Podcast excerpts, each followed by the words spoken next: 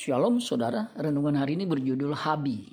Efesus 5 ayat 25 sampai 29. Hai suami, kasihilah istrimu sebagaimana Kristus telah mengasihi jemaat dan telah menyerahkan dirinya baginya untuk menguduskannya sesudah ia menyucikannya dengan memandikannya dengan air dan firman supaya dengan demikian ia menempatkan jemaat di hadapan dirinya cemerlang dengan cemerlang tanpa cacat atau kerut atau yang serupa itu tetapi supaya jemaat kudus dan tidak bercela.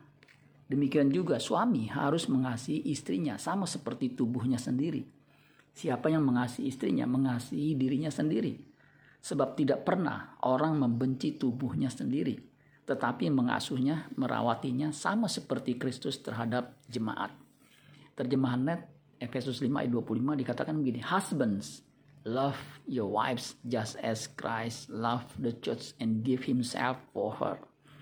Kata suami bahasa Inggrisnya husband dari kata Yunani aner. Artinya husband suami. Kata husband dari kata housebound yang mempersatukan keluarga. Biasanya panggilan sayang untuk husband suami itu habi.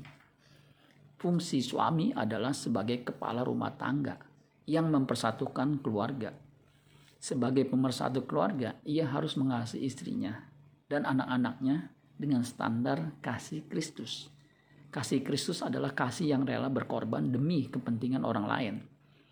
Banyak suami zaman now bukan mempersatukan, malah mencerai-beraikan keluarganya hanya demi kesenangan sesaat.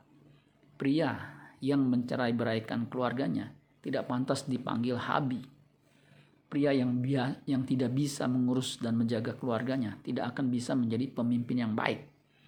1 Timotius 3 ayat 5 dan 12. Jikalau seorang tidak tahu mengepalai keluarganya sendiri, sendiri, bagaimana ia dapat mengurus jemaatnya? Ayat 12. Dia akan haruslah suami dari satu istri dan mengurus anak-anaknya dan keluarganya dengan baik. Betapa sentralnya peran seorang suami.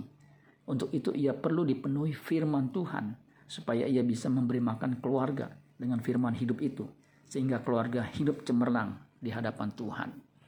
Amin buat firman Tuhan. Tuhan Yesus memberkati. Sola Gracia.